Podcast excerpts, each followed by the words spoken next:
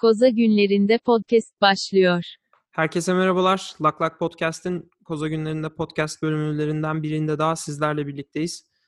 Karşımda her zaman olduğu gibi Edil var. Merhabalar Edil. Merhaba Onur. Nasıl gidiyor? Fena değil. Aynı şekilde koşturmacaya devam ediyoruz. Bu bölüm biraz hazırlandık. Çıktık. Konularda yoğun. Evet yani istiyorsan hatta ilk olarak günümüzü berbat bir halde başlatan Pınar Gültekin konusuyla açalım. Biz aslında hani Onur'la bu konu hakkında epey kafa yoran insanlarız. Bir de baştaki bölümlerde bu pandemi öncesi dönemlerde çokça da konuşuyorduk. Yani her bölüm konuşuyorduk neredeyse. Ama bu pandemiden dolayı uzun zamandır çok dile getiremedik. Çünkü malum işte gündem yoğun bir yandan pandemi konusundaki olayları takip etmeye çalışıyoruz derken biraz e, maalesef hafif rafa kalkmış gibi oldu ama bu hayatımızın tam ortasında olduğu gerçeğini değiştirmiyor. Hiçbir yere gitmiş e, bir halde değil. E, hala kadınlar her gün bol miktarda fiziksel ve psikolojik şiddete karşı savaşmak durumundalar. Bir fiil buna maruz kalıyorlar ve bugün de yine o daha önce çokça kez başımıza gelen e, en ekstrem, en berbat e, durumlarından biri meydana geldi. Pınar Gültekin e, maalesef ölü bulundu. Çok e, yani anlatmak da istemediğim bir şekilde öldürüldü, canından edildi. Ve yani biz de konu hakkında tekrardan ne yapabiliriz konusunu konuşuyoruz doğal olarak ama e, yani Onur'un da Onur da muhtemelen aynı şekilde düşünüyor artık e, yani herkes şeyin noktasında e, bu konuya bir çözüm bulmamız lazım. Yani bu konu arada bir şekilde rafa kaldırıp tekrar ısıtılıp önümüze getirecek bir konu değil. Günümüzün artık bir parçası olmak zorunda ta ki bu olayları bir dur diyebilene kadar. Ee, ben çok da fazla konuşmak istemiyorum konu yani konunun devamı hakkında ama biz bu konu hakkında konuşmaya devam edeceğiz. Orası kesin. Ee, diyerek Onur'a devrediyorum. Valla ben şahsım adına senin şu anda bahsettiğin hani artık bu son olsun bu bitene kadar konuşalım sözlerini Özgecan e, katledildiğinde kendime söylemiştim. Bu işin artık bu, böyle devam etmemesi gerektiğini, böyle bir caniliğin son olması gerektiğine inanmıştım. Bunun için ne yapılması gerekiyorsa yapılsın artık diye düşünüyordum. Ve o dönem baya bir tepki gösterilmişti kamuoyunda. Ben de kendi adıma buna elimden geldiğince destek olmaya çalışmıştım. Gündemde tutmaya çalışmıştım ve en sonunda da Özgecan'ın katili mahluk hak ettiği cezayı almıştı. E, fakat o dava sürerken dahi başka cinayetler ve kadına şiddette devam durumu söz konusuydu. Maalesef üzülerek söylüyorum ki bunun da son olacağını düşünmüyorum. İktidarlar, güç sahipleri ellerindeki gücü doğru yere kullanmıyorlar çünkü. Hiçbir şekilde doğru adımların atıldığına dair bir işaret görmüyoruz. Aksine bu konudaki haberleri engelleyerek konunun çözüleceğine inanan e, bir yöneticilere sahibiz maalesef. E, kadının toplumundaki yeri konusunda e, maalesef toplumdaki algı bizim algımızdan farklı. Birçok erkeğin kafasındaki algı böyle ve ma- belki de birçoğu da bizden bu düşüncelerini saklıyorlar ve etrafımızdaki insanlar. Ee, yani can, insanın canının yanmaması, şu vahşeti oku, okuyup da e, üzülmemesi elde değil, etkilenmemesi elde değil. İstanbul Sözleşmesi'ni okudum bugün biraz. Ee, İstanbul Sözleşmesi dediğin şey aslında tek başına hiçbir şeye çözüm olabilecek bir şey değil yani. O İstanbul Sözleşmesi yasaların hangi çerçevede çıkması gerektiğini söylüyor. Ee, İstanbul Sözleşmesi'ni do- den çıkan yasaları doğru şekilde uygulamadığın sürece pek de bir yere varılabileceğini zannetmiyorum. İstanbul Sözleşmesi genel olarak dört ana hattan oluşuyor. Ee, bu tür canilikleri daha doğrusu toplumdaki şiddeti önlemek üzerine bir sözleşme. İstanbul'da çıkmasının sebebi de o dönem Avrupa Birliği'nde bu konuyla ilgili dönem başkanlığının Türkiye'de olması ve sözleşmenin İstanbul'da yayınlanması. Türkiye'de bunun ilk imzalayıcısı ülke. Yani eğer ki İstanbul Sözleşmesi kendi başına yeterli olsaydı ya da İstanbul Sözleşmesi üzerinden çıkan yasalar yeterli olsaydı e, böyle bir sorun Türkiye'de hali hazırda yaşanıyor olmazdı. Önemli olan bu yasanın uygulanması. Maalesef Türkiye'de bu yasa uygulanmıyor. Doğru e, İstanbul Sözleşmesi üzerinden çıkan yasalar uygulanmıyor. Sürekli bir böyle bir iyi halden indirim, kravat taktım, ceket giydim diye e, cezadan indirim gibi saçmalıklarla karşılaşılıyor. Toplum tepkisi oluşmadığı sürece, kamuoyu baskısı olmadığı sürece aile kurumu gibi saçma sapan bir bahanenin arkasına sığınılarak konuların üzeri örtbas edilmeye çalışılıyor ve bu da ister istemez toplumun bir yansıması aslında. Yani bu bu yasaları uygulayan kişiler de toplumdan bağımsız değil. Dolayısıyla uzun vadede bu işin çözümü maalesef eğitime kalmış durumda ve eğitimde zaman alan bir şey. Bunu biliyoruz. Ee, ama yine de uygulandığı doğru düzgün bir şekilde uygulandığı yıllarda sonuç alındığı gözlemlenmiş. Bu e, bu çerçevede çıkan yasaların uygulandığı yıllarda. E, bu, bu son dönemde gündeme gelmesinin sebebi de tarikatların bundan rahatsız oluşu. AKP'nin tabanını bir şekilde bu e, sözleşme üzerinden konsolide etme çabası var. Çünkü tarikatlar bundan rahatsız. Ee, şeriat isterük diye bağırıyorlar adeta. E, neden rahatsızlar? Çünkü yani kadının toplumdaki yeri konusunda kafalarındaki şey medeni kanundaki yerle örtüşmüyor. E, kadının daha az ses çıkarmasını istiyorlar. E, eşit haklara sahip olmamasını istiyorlar. Sadece orada da bitmiyor. Yani aile kurumu gibi saçma sapan bir şey çıkarıp gerekirse döverim karım değil mi e, benim ailemi bozmasın yasalar gibi bir düşünceye saklanıyorlar ve tabii ki e, kaçınılmaz olarak bu yasaların da koruduğu e, cinsel yönelim e, tarafı var onunla ilgili de rahatsızlıkları var cinsel yönelimle ilgili saldırılara karşı da koruma sağlıyor bu e, İstanbul Sözleşmesi ona karşı oldukları için de bunun tamamen ortadan kalkmasını istiyorlar doğal olarak. Koza günlerinde podcast devam ediyor. Peki abi o zaman ilk maddenin örneği de sanırım bu Mabel Matiz oluyor. Evet. Yakın zamanda e, ne, ne kadar evet. saygıdeğer bir şekilde yaklaşıldı kendisine. E, sevgiyle kucaklandı. Yani, İslami camiada. Neyse şöyle, istiyorsan şey yapalım yani kısaca e, yani özet geçelim ve özet geçecek bir tarafı yok. Aslında yani biraz da bilgilensin. Ee, yani dinleyenlerimiz de biz eskiden daha çok bilgi veriyorduk. Hani sözleşme genel hatlarıyla önleme koruma yargılama ve bütüncül politikalara destek politikalara e, sahip olmak üzerine.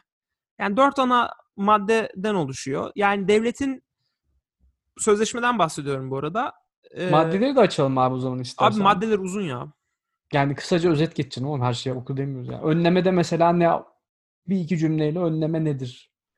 Mesela tüm eğitim diyelim. seviyelerinde yani Wikipedia'dan direkt okuyorum hani ezberimde olduğundan değil ama tüm eğitim seviyelerinde kadın erkek eşitliği, klişe, klişelerden arındırılmış cinsiyet rolleri, say, saygı ve şiddete başvurmadan tartışma e, gibi konularda öğrenme kapasitesine göre müfredat sağlama. Şimdi mesela bu çok kapsamlı ya. Zaten olması gereken şeyler gibi geliyor ama işte sen bu sözleşmeyi imzalayarak aslında bir taahhütte bulunuyorsun Avrupa Birliği'ne. Sen yani Avrupa Birliği gelip sana bu konularda hesap sorabiliyor en azından. Ya da uluslararası mahkemelerde bir sorumluluk alıyorsun bunu imzalayarak. Ama bunların ne kadarı yapılıyor? Tartışmalı. Ya da bir tane daha okuyalım. Avrupa kim ki bizden hesap soruyor Umur Allah aşkına. O Mesela iki, özel bir, özel sektörü, bilişim sektörünü, medyayı, kadına şiddeti önlemek ve kadın onuruna saygıyı arttırmak için politikaların oluşturulup uygulanmasına ve kendi kendini düzenleyici standartların belirlenmesine teşvik etmek. Okay. Ee, şiddet çeşitlerinin ve şiddetin çocuklar üzerindeki etkisi hakkında halkın farkındalığını arttırıcı kampanya programları çeşitli kuruluşlar ile işbirliğiyle yaygınlaştırıp uygun e, yaygınlaştırıp uygulamak. Ee, tamam sözleşmede bahsedilen her türlü şiddeti önlemeye yönelik yasal düzenlemeleri ve tedbirleri sağlayıp mağdurların ihtiyaçlarını karşılayacak ve kültür, töre, din ve gelenek veya sözde namus gibi kavramların şiddete gerekçe olarak kullanılmasının önüne geçmek. Yani şimdi şu saydığım bütün maddeler AKP'nin bütün tabanı yani bütün varlığıyla şey yapıyor, çelişiyor. Anlatabiliyor muyum? Abi yo çok güzel müthiş bir örnek oldu. Tam yani no- nokta virgülüne dokunmadan. O yüzden de şeyi yani nasıl çözerizi ben şey yapamıyorum. Yani Cumhurbaş ya AKP'deki birçok vekilin namusla ilgili çok çirkin açıklamaları, kadınların açık kapalı olması ile ilgili çok çirkin açıklamaları, onların da o saatte orada ne işi varmış gibi açıklamalar ve bunların hiçbir yaptırım olmadı. Doğru. Neticede adamların zihninde kadınların illa bir yerde durması gerektiği veya bir noktada e, karşısındaki kişi itaat etmesi gerektiği tarzı aşırı osuruktan fikirler olduğu için. Mesela yargılama ve kovuşturmada bence çok önemli olan ikinci madde. Taraflar soruşturma süresince mağdurun cinsel geçmişi ve davranışları ile ilgili detayların dava ile ilgili olmadıkça dahil edilmemesini sağlayacak yasal düzenlemeleri yapmakla yükümlüdür. Şimdi bu illa cinsel geçmişinden kasıt şey olmamalı. Ee, eşcinsellik ya da LGBT değil. Yani burada ilişkinin çeşidi işte bugünkü davada gündeme gelen işte yok evliymiş, zartmış, surtmuş. Ee, bu bu aslında. Yani olması gereken şeyler. Yani şurada okuduklarım arasında benim benim adımdan bir tane ya hayır canım bu da abartı falan. Yani zaten hani yasal sistem böyle olması gerekir. Ya buna itiraz kim niye ediyor anlamıyorum ben. Ya anlıyorum Ben da. şeyi, şeyi soracağım abi. Bu 2011'de mi 12'de mi imzalandı dedim. Şimdi evet bu onunla ilgili de tam tarihi vereyim. Ee, ilk imzalayacak ilk, ilk imzalayan ülke Türkiye. Ee, hemen şey yapayım. 2011'de imzaya açılıyor. Hı hı. Ee, 2014'te e, yürürlüğe giriyor. 2012'de Türkiye imzalıyor. Peki abi ben şey anladım. Şimdi niye biz bu sözleşmeden uzaklaşma derdindeyiz? Ee, hani tabii bizim biliyorsun genelde politikalarımız aşırı tutarlıdır ya. Ee, ona biraz böyle şey sanki kontradik bir durum yok mu ortada? Evet, şey. Bununla ilgili de birkaç şey dinledim. Yani bu Kadın Federasyonları Başkanı'nın konuşmasını düşününce bir tarikatların bu konuda baskısı olduğu ile ilgili bir şey var. Öngörüsü. Türkiye tarzı. Evet, evet. Pardon ta- şey ne Tarikat, demiştin? Ku- tarikat. Şey. Kurum ha ben ST, dernek. STK anladım ben. Yok Pardon yok, özür tarikat. Özür dilerim. Böyle yanlış anla- anlaşılmalar bir gün seni serin yerlere götürecek. ya e, şeylerde tarikatların bir rahatsızlığı var. İlk tarikatlar gündeme getiriyor. İki sebepten dolayı. Tarikatların adı Anadolu'daki örgütlenmeleri yani İstanbul'dakileri falan geçtim. Aile içi şiddet olsun diyen adamlar. Yani ben karıma bir tokat attım, karım polise gitti, beni uzaklaştırdığı istemiyor tabii ki. Çünkü bu, bu buna bu yasalarda Halbuki yani adamın aslında orada belki seks hayatını canlandırmaya çalışan e, bir şey yani dominatrix bir personası var belki. Bu soruldu mu adama? Sorulmadı. Pardon ya çok doğru. cıvıtmayayım ya konu ciddi şimdi. Ya yok senin cı- yok bir yanlış bir şey demedin ya. Biraz da cıvıt yani cıvıtmak değil de birazcık yumuşatmak lazım. Ben çünkü ben etkileniyorum abi. Ben gerçekten çok sinirleniyorum. Sinirim bozuluyor. Kesin kesin canım. Ya sen Ee, sen ben bu haldeysek ben kadınları düşünemiyorum bile ya. Yani bu- Gerçekten. yani. bugün mesela bir tweet okudum şey diyor yani çok o kadar iyi anlay- a- anlıyorum aslında. Yani diyor ki bugün diyor sırf şeyden dolayı bu korkudan dolayı Twitter'ımdaki fotoğraflarım arasında dolaşıp e, yani işte birazcık açık olanları sildim ki hani başıma böyle bir şey gelirse arkamdan bak işte bu da böyleymiş demesinler diye diyor. Yani Ya bu düş- düşün ya. Of, yani gör ya. ama tüm bunların ötesinde şu da var. Yani ne kadar gö- yani neyse. Şimdilik şey yapalım. Yani burada bir mola verelim. Koza günlerinde podcast devam ediyor. Tabii ilk olarak aklıma gelen e, dünyada bu şiddet ne durumda diye araştırmak oldu. Bu konuda yeterince zaman ayıramadım ama ilk önüme gelen Amerika'daki e, domestic violence yani ev içi şiddet oranlarıydı. Amerika'da kadınlarda her dört kadından birinin hayatı boyunca e, aile e, ev içi şiddete maruz kaldığı söylenirken Türkiye'de bu rakam yüzde 40. Yani Amerika'da yüzde 25 iken Türkiye'de yüzde 40. E, burada da zaten e, Türkiye'de bir şiddet sorunu olduğunu görebiliyoruz. Bu sadece fiziksel olmak zorunda değil. E, bu şiddetin artık e, bir sonunun gelmesi gerektiği ortada. Bunun e, en iyi şekilde yapacak e, kurumların artık devreye girmesi gerektiği ortada. Bu artık lütfen son olsun. Ve lütfen bu konuyu bir kere daha konuşmak zorunda kalmayalım. Niçin, Netflix? Neye geçelim? Twitter'ın hack saldırısına geçelim mi? Twitter hackine geçelim abi. Ee, bana işte Edil'i Twitter'dan takip edenler bilir. Edil bir ara mesaj attı. Dedi ki Bitcoin yollayın iki katını geri dönmezsem adam değilim şeklinde. Ben orada anladım. Edil böyle Anam, bir mesaj... anam avradım olsun ki yazmış. Metnin orijinalinde. Yok ben sen olmadığını adam o adam değilim dediğinde anladım. Edil böyle bir eril dil kullanmaz diyerekten. Orada anladım burada bir hacklenme vakası var diye.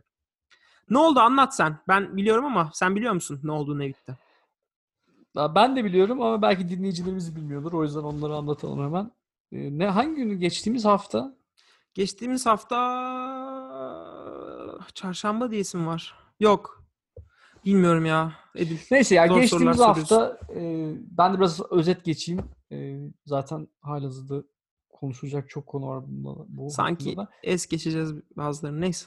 Geçtiğimiz geçtiğimiz hafta e, birçok ünlü aracılığıyla ba- başta Elon Musk ve koronavirüs yayıcısı Bill Gates olmak üzere birçok ünlü insanın hesabından e, şaibeli bir mesaj belirdi. Yaklaşık Ee, bana- bu arada rakam 130 hesap. Yani zaman içinde. Çünkü bu Oo, arada hiç- yaban, hiç fena değil. yabancı e, liderlerin de ya, hesaplarına giriliyor. Bizim bilmediğimiz, takip etmediğimiz. Ee, iyi abi. Demek ki bayağı kalabalık bir orkestrasyon olmuş. E, bu da zaten olayın ne, aslında ne büyük çapta bir fail olduğunu gösteriyor ki zaten ondan da birazdan bahsedeceğiz.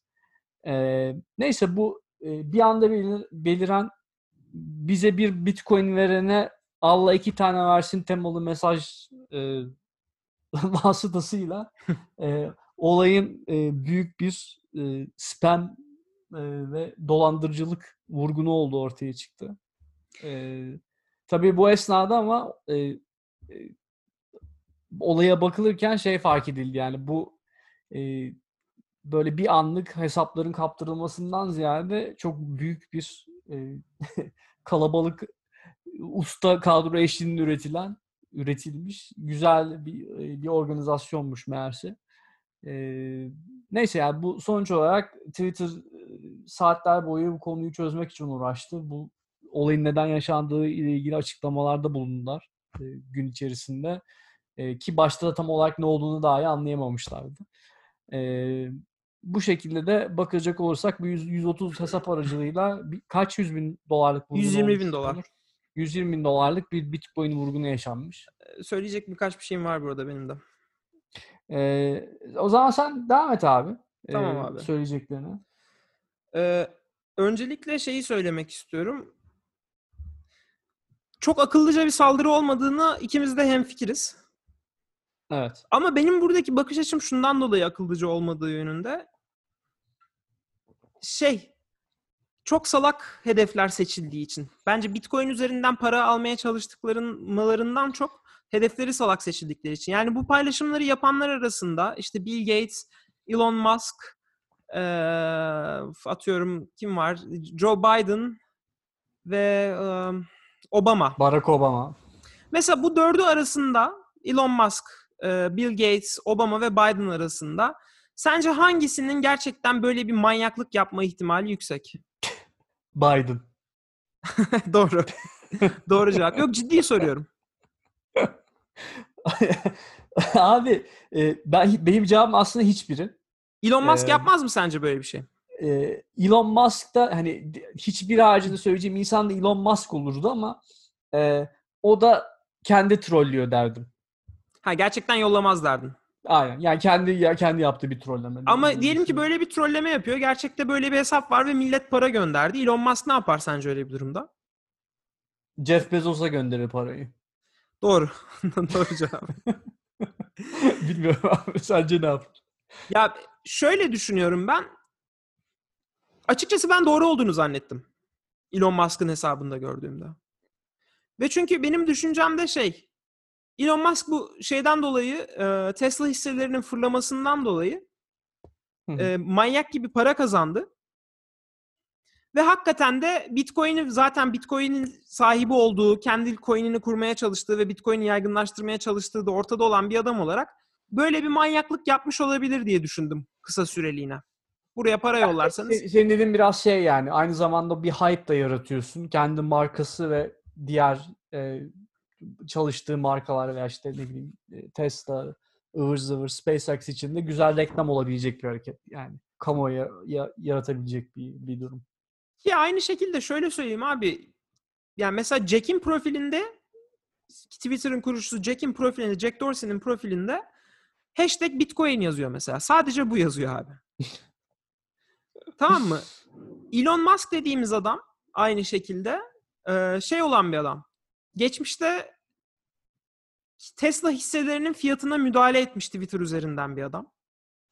Yine aynı şekilde evi arabayı satacağım Bitcoin'e basacağım falan gibi tweetler atmış bir adam. İşte gelecek Kan- Bitcoin'de Kanye falan. West'le arkadaşlık yapan bir adam. Kay hay yani aslında burada şu devreye giriyor. Bu insanların sorumsuzluklarını da birazcık ortaya çıkarmış oluyor. Yani ben mesela Elon Musk'ın böyle bir şey yapmasına kanabiliyorsam benim gibi bir adam. Lan bu adam hakikaten böyle bir şey yapar diyorsam bu adamın aslında ne kadar da cıvık bir adam olduğunu da gösteriyor. Çünkü yapabilirdi bana kalırsa. Çok da bir şey kaybetmezdi yani. En fazla ya milyar dolarları olan, on milyarlarca dolarları olan insanlardan bahsediyoruz.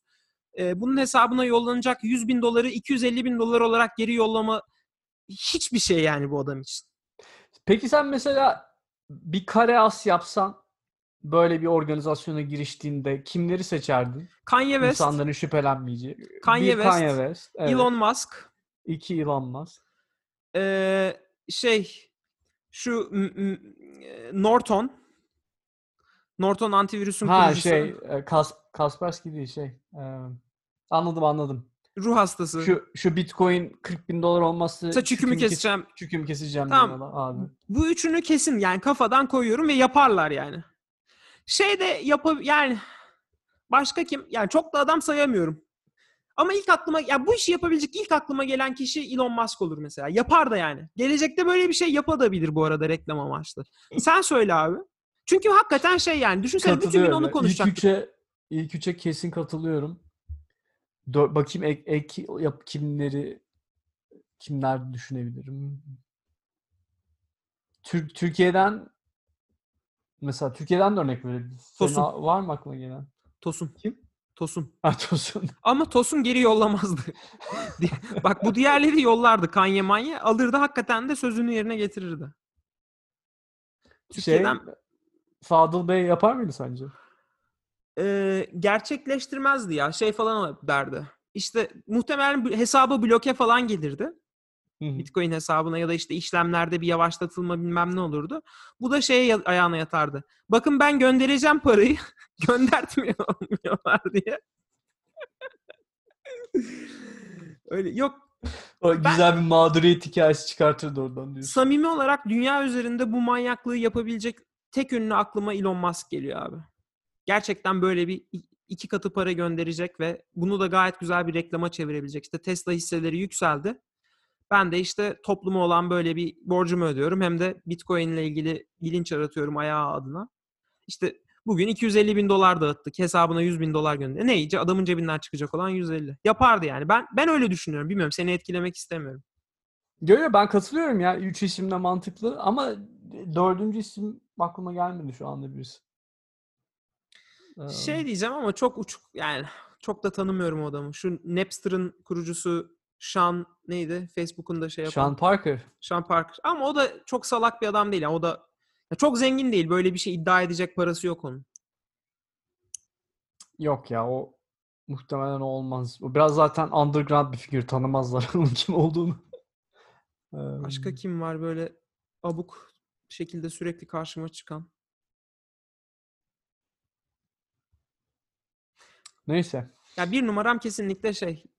Yani Zaten salaklık bence orada. Bu arada şeyi çok saçma bulmuyorum. Yani bence bu işi sadece Elon Musk ve atıyorum Kanye West üzerinde bıraksalardı, Beyoncé, Beyoncé ya da işte Obama'ya bulaştırmasalardı bence çok çok daha fazla fazla para toplarlardı. Çok karıştırdılar orada diyorsun. Çünkü bunun bir gerçek mi hile mi olduğunu millet çözemeyecekti uzunca bir süre bence.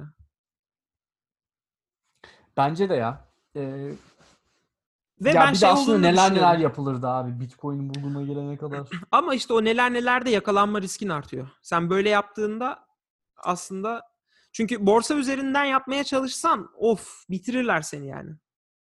ya işte orada da o kadar organizasyon olabildiysen yine onları bir şekilde şey yapardın ya. Ne derler? Çaktırmadan çok daha Düşünmüşler. yani şöyle söyleyeyim abi 120 bin dolardan çok daha fazla götürürdün onu demek istiyorum. %100 katılıyorum. Hatta onu yani 100-120 milyon götürürdün rahatlıkla. Ona hiçbir itirazım yok. Ama işte bir bir mesaj mı verilmeye çalışıldı? Zaten bilgileri aldık. Gider ayakta böyle bir şekilde trolleyelim mi dediler. Belki de çok fazla daha fazlasına ulaştılar ki onunla ilgili hala Twitter'dan bir açıklama yok. Yani bu ha bu arada hacklenmenin nasıl olduğunu da söyleyelim. Evet Twi- ondan da bahsedelim evet. Twitter'ın bir tane e, tanrı modu gibi bir arayüzü var. Çok sa- belli az sayıda e, kişinin girebildiği o hackleniyor. Yani Twitter üzerinden yaptığınız hiçbir mesajlaşma, Twitter üzerindeki hesabınız e, öyle şeyle karşılıklı olarak şifrelenmediği için Twitter'daki üst düzey bir yönetici sizin yerinize, sizin hesabınıza gelip tweet de atabiliyor, mesajlarınızı da okuyabiliyor. Her şeyi yapabiliyor kısacası. Yani öyle bir hesapların erişilmezliği yok Twitter tarafında. Mesela WhatsApp'ta var artık. Senin mesajlarını okuyamıyor teoride. Bilmiyorum. Başka Ya işte var. böyle se- senin o süper admin tarzı şeyler olduğu zaman insanların bu tip hayvan gibi şeye aynı anda erişim oluyor. Ee, bir de benim okuduğum kadarıyla Twitter içerisinde çalışan insanlardan da biraz şey yürütmüşler. Ee, Classified information çalmışlar. Nasıl becerdiğini Zaman içinde. da. Ee, yani credential'lar alınmış falan filan. Yani Hı hı. epey organize bir olay gibi duruyor. Yine de Twitter'ın çok fazla hatası var. Var var kesin var. Abi bu bu arada bu konu hakkında da bir geçen bir arkadaşla konuşuyordum. Cyber security alanında bayağı iyi birisi. Bu Silicon Vadisi'nde çalışıyor zaten. Danışmanlık da yap- yapıyor kendisi. Şey dedi abi o kadar çok böyle eski e, firma var ki hala böyle admin admin olayından kurtulamamış diye. Yani o bayağı doğru bir olaymış. Silikon Vadisi'nde şey var ya bunlar bilmem kaç yıllık belki de 100 yıllık e, beyaz eşya firması şey alanına girmeye çalışıyorlar işte IoT'ye girmeye çalışıyorlar. Ama güvenlik konusunu hiç düşünmedikleri için buzdolapları hackleniyor. o dönem Whirlpool'a benzetmiştim. Yani Whirlpool da IoT'ye girmeye çal- çalışırken benzer sancıları yaşamıştı. Ee, var böyle bir gerçeklik evet. Hazır hazır değil birçok şirket. Ama Twitter yani mesela ben Jack Dorsey'den şeyi beklerdim yani dolandırılanlara ee, bir yardım. Yani çünkü sen orada bir aslında bir sorumluluk alıyorsun. bir, bir kampanyada ondan bir bitcoin verene 3 tane bedava diye. Yani abi sonuç olarak 1 milyar dolarlık Square hissemi Covid döneminde bilmem fonlara ayıracağım diyorsun. Gerçek bir sorumluluğu alırsın ve dersin ki ben bu insanlara onaylı hesaplıyorsam bunların da size onaylı çıkmasını sorumluluğunu alıyorum. Yani çünkü birçok yani dolandırılan insanların da çok bir hatası yok. Doğru abi neticede bu internet firmalarının yani teknoloji firmalarının e, bu tip customer şey satisfaction oranı veya customer hakkında ne yaptıkları biraz meçhul kalıyor yani. Sen gidip fiziksel bir şey aldığın zaman onu geri götürüp iade, İade çatır edebiliyorsun. paranı geri alabiliyorsun yani. Değil mi? Evet. Aynı şekilde Bitcoin aslında bence yani hele hele işte diyorum ya profilinde sadece hashtag Bitcoin yazan birinin ya bir bankaya gidip sen bir dolandırıcı hesaba para yatırmaya çalışsan ya da durduk yere para çekmeye kalksan yüklü miktarda bankada sana soruyorlar. Yani yakınlarımın başına geldi oradan biliyorum ben. Ya siz ne yapacaksınız diye. Niye böyle bir şey yapıyorsun? Bulgaristan'a niye para yolluyorsun mesela? Çünkü Bulgaristan'dan gelen cevapsız çağrı diye bir gerçeklik var ülkede. Evet evet katılıyorum ama tabii burada da adamların birinci argümanı da ulan siz bana para mı veriyorsunuz ki olacaktır. Ee, yo veriyoruz. Yani o reklamların her birinden benim üzerimden para kazanıyorsun. Ya para kazanıyorlar da abi yani sen bir fiil adama bir ödeme yapmıyorsun. Yani Yok canım benim her, her itim ya o o o yet, çağımızda o bence şey bir argüman değil. Yani söyleyebilir de Hayır yani şey anlamı şu anlamda söylüyorum. Bu tip böyle kastımız şeyin olmaması biraz da şu ana kadar olmaması biraz da onunla alakalı. Yani doğru. diğer eski firmalar 100 senelik firmalar böyle zamanlı müşterileri daha iyi anlayıp işte Doğru. onlara daha iyi hizmet verebilmek için bu yöne evrilmişler ya henüz Twitter o noktada değil yani o e, öyle bir şey yok öyle bir mekanizma yok yani. Doğru. Ve yani bu aslında bazı tehlikeleri de içinde barındırıyor. Yani bir Google'ın mesela benim bildiğim kadarıyla bir call center'ı yok. Google'da bir herkesin aldığı bir hizmetten sen alamıyorsan bir şekilde faydalanamıyorsan öyle arayıp da kardeşim benim haritalarımda niye şu şöyle değil diyemiyorsun. Diyemiyorsun. Aynı şekilde mesela Uber Eats'ten bir sipariş verdiğin zaman da herhangi bir telefon numarası yok şikayet bildirme, bildirebileceğin. Mesaj yazıyorsun onlar ne zaman paşa gönüllerine şeklinde dönüyorlar. Enteresan bir dönem. Olabilecek en berbat sistemlerden bir tanesi bu. Çünkü işte ben ne yaptım abi? Adam bana 12 saat sonra geri dönmüş. Ben o esnada yemeğimin derdindeyim yani. O yarım saatte bana geldi geldi. Yoksa bir anlamı yok yani. Neyse. Neyse ki çok hayati şeyler değil. değil değil. ama Allah'tan hayati mesela şeyler hari- değil de. haritalar hari- hayati bir şey abi. Google haritalar seni yanlışlıkla bir kod hatası yüzünden banladı. Middle of nowhere'desin böyle. Ne yapacaksın abi? Abi öyle haritaya kanıp suya muya arabayla uçan tipler falan filan var bu arada ya. Şaka değil yani. Evet evet. Ee, ya bu business modeliyle ilgili de ayrı ya bir bölüm yapamam. O kadar bilgim yok ama bambaşka bir tartışma konusu diyeyim. Tamam bu Evet. Uzun. ben ya birçok konuşacak konu var. İşte bazılarını es geçmeyi düşünüyorum. Twitter hack ile ilgili yeterince iyi konuştuk. Türkiye'de yaşanan çirkin olayla ilgili de konuştuk. Yine Türkiye'ye dönelim. Niçin Netflix? Ee, Türkiye'de biliyorsun güzel şeyler oluyordu. Martı Scooter. Martı. Scooter ile e, bir hareketlilik vardı. Hani Martı da ne kadar iyi bir şirket bilmiyorum. Hani yatırımcıları çok e, ensesi kalın tipler.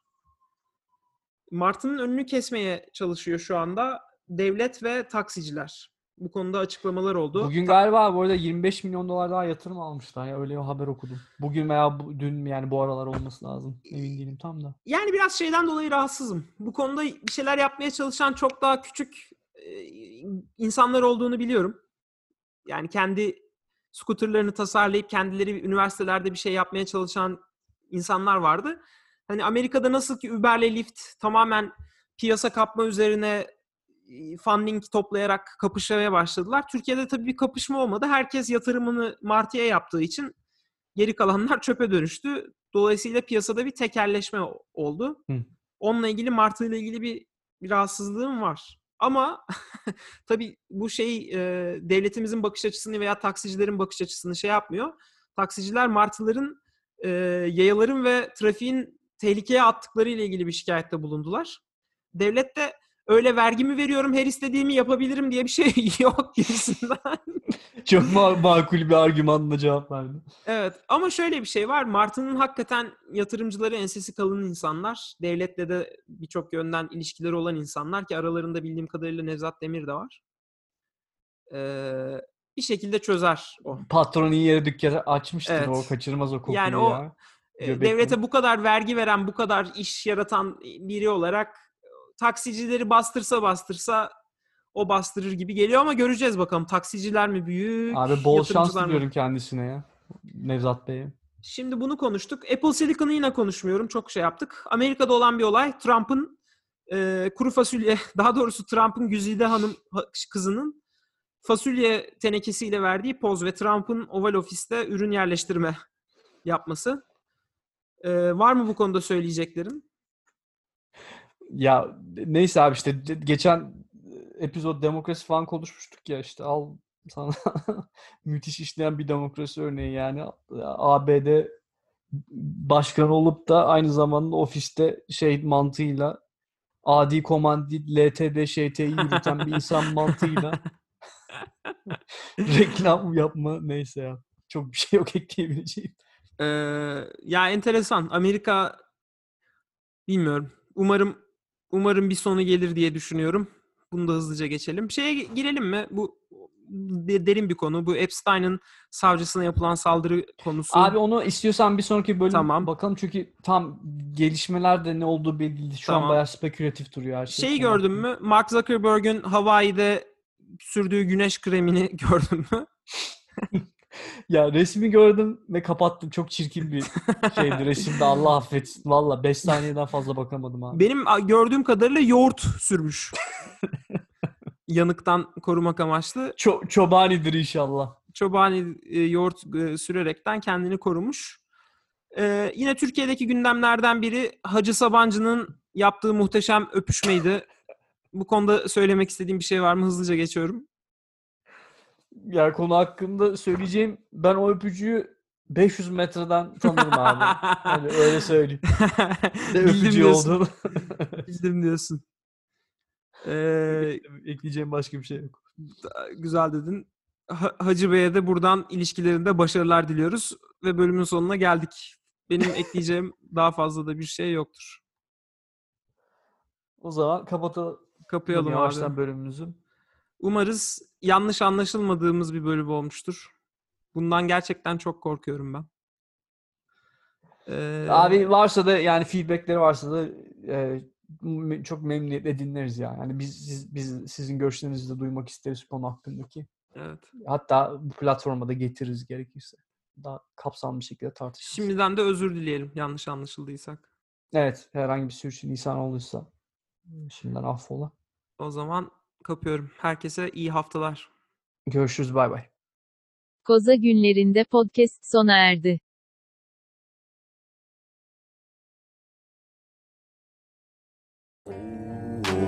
Kekeciğim Oo, neredesin?